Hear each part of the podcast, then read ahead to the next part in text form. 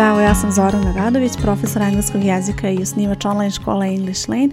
Ovo što slušaš je English Lane podcast i u ovoj epizodi pričat ću o tehnikama za učenje novih reći. Učenje novih reći je prepreka koju mnogi od vas imaju, a to je zapravo neophodno da biste naučili engleski jezik jer ne možete naučiti engleski jezik kada ne znate dovoljno reći.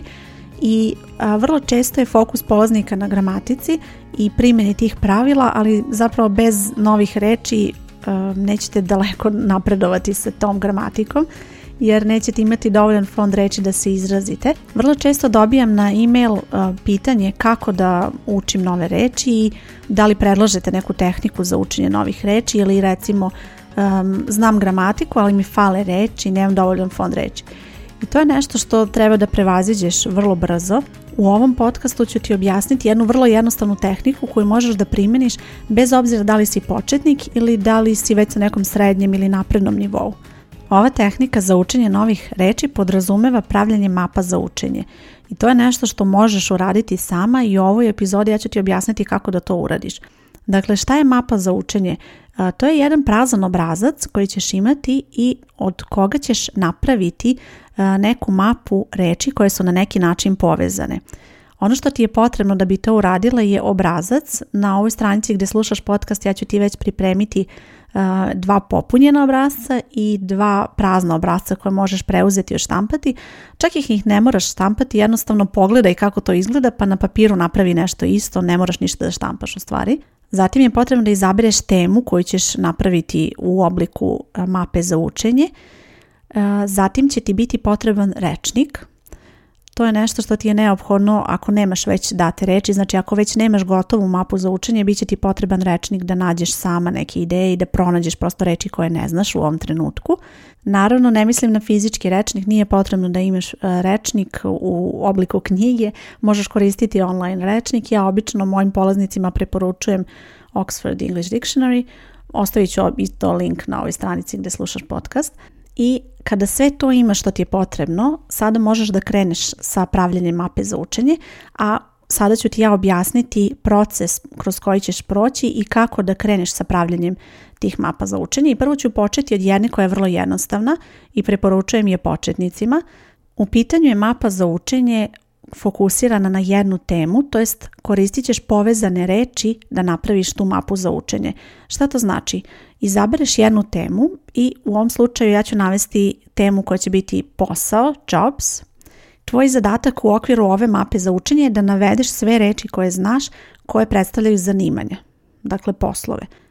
I onda u to okviru te mape možeš navesti actor, nurse, manager, teacher. To su sve neke reči koje možeš ovdje navesti kao primjer, neke reči ćeš znati i napisat ćeš ih odmah, neke reči nećeš znati i to je u redu, njih ćeš napisati na svom maternem jeziku, a zatim ćeš koristiti rečnik da pronađeš te reči. Koja je svrha ovakve mape za učenje? Ovakva mapa za učenje ti pomaže da učiš reči po temama i te reči će biti povezane kroz tu temu i samim tim ti daju neki kontekst kroz koji ćeš moći da zapamtiš. Drugi razlog zašto su ovakve mape važne je zato što pomažu ljudima koji vizualno pamte. Ako si ti osoba koja voli dok uči da podlači, da pravi one neke ceduljice u raznim bojama, to je vrlo verovatno zato što ti vizualno pamtiš i zato što ti ovo pomaže da se bolje organizuješ i mapa za učenje novih reči će uraditi isto to.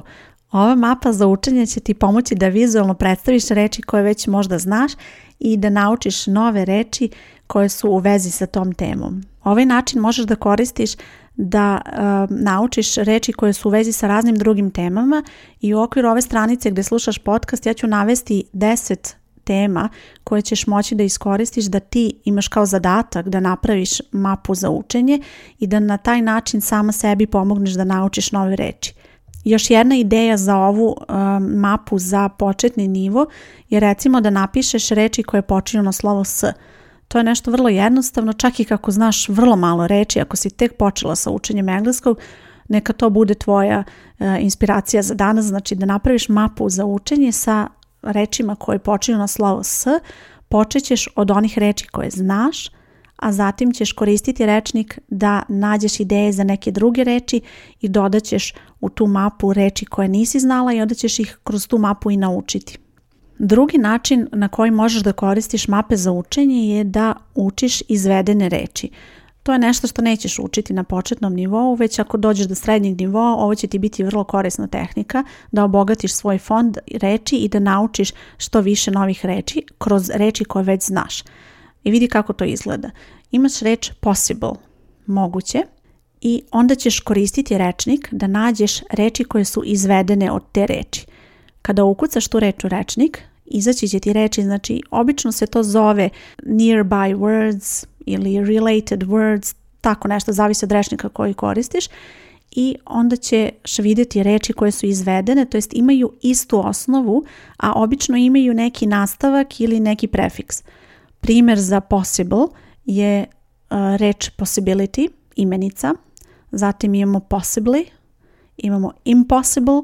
Dakle, to su sve reči koje su izvedene. Ti znaš jednu reč, naučila si reč possible i od nje si izvela još tri nove reči. Dakle, naučila si još tri nove reči. Ova tehnika nije nešto što ćeš moći da primjeniš baš za svaku reč. Recimo, ako baš hoćeš Apple, nećeš mnogo naći e, izvedenih reči na taj način, ali kako napreduješ sa učenjem, vidjet ćeš da u engleskom postoji puno reči koje imaju ove izvedene oblike, dakle recimo od prideva se napravi imenica ili se napravi glagol ili prosto neki dodaci koji se koriste, a ti sve vrijeme učiš kroz jednu reč koju znaš, a u isto vrijeme naučiš još 3, 4, 5 novih reči.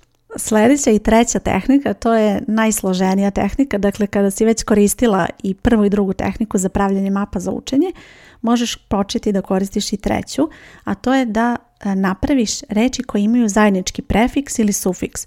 Prefiks i i to su reči koje idu ispred prefiks i iza reči sufiks. Dakle, tvoj zadatak će biti da nađeš zajedničke reči koje imaju taj prefiks isti ili e, se završavaju na isti način. Primjer za to je recimo prefiks an, piše se un, i imaš reči unable, unfortunate, unlikely, unhealthy. To su sve reči koje si već u ovom trenutku verovatno naučila i onda sada učiš da praviš reči suprotnog značenja koristeći prefiks. Na taj način, osim što naučiš recimo fortunate, šta znači, u isto vreme naučiš i unfortunate, ovo je vrlo efikasna metoda zato što ti e, ne učiš jednu reč, nego uvijek učiš po dve reči za neki primjer, jer učiš odmah i kako se e, čita ta reč i kako se čita reč suprotnog značenja, to je uvijek vrlo slično i na taj način duplo brže obogaćuješ svoj fond reči.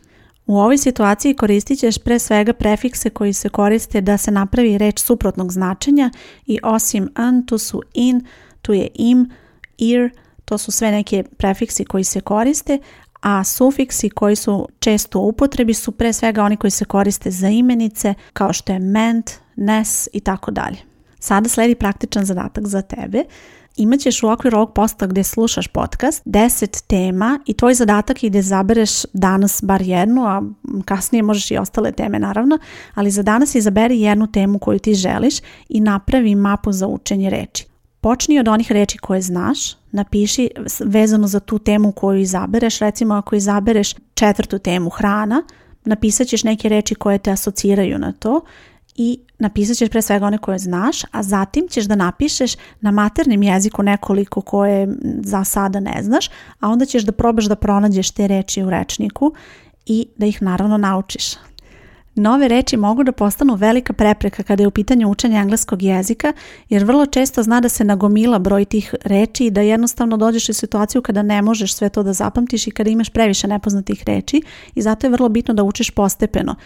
Ovo je jedna prepreka koju sam ja žela da rešim kada sam pravila svoje kurseve, kada je u pitanju recimo serijal kurseva engleski 101, 102, 103, E, napravila sam kurseve na takav način da kada dođeš do neke lekcije u bilo kom od ovih kurseva, tebi nije potrebno da znaš ništa od reći van onog što si naučila na kursu. To znači da recimo kada dođeš do desetog modula, recimo šesta lekcija u pitanju i radiš novi tekst i učiš nove reći, ništa osim reći koje si do tada naučila ti neće biti potrebno. To znači da nećeš doći u situaciju da učiš previše reči odjednom, već ćeš uvijek imati ograničen broj reći, recimo od 6 do 12 novih reči i na taj način ćeš moći da učiš organizovano i učit ćeš kroz kontekst pre svega i kada naučiš reći kroz kontekst koji ih naučiš u tekstu, onda i sama imaš mogućnost da napraviš ovakve mape za učenje, a vrlo često ih i ja napravim za moje polaznice da bi mogle da provežbaju te reči kroz ovakav praktičan metod, to jest da ujedno i testiraju svoje znanje, ono što su naučile u tom trenutku, da provere fond reči koje imaju i plus da nauče neke nove reči. Kursevi engleski 101, 102, 103 koje sam pomenula su kursevi koji su dostupni u mojoj online školi. U pitanju je online škola English Lane i ukoliko već nisi član, pozivam te ovom prilikom da nam se priključiš, da pogledaš kako izgleda učenje u školi i da vidiš na koji način tebi ovo može omogućiti da dalje napreduješ sa učenjem i to ne samo kroz gramatiku, već i kroz učenje novih reči.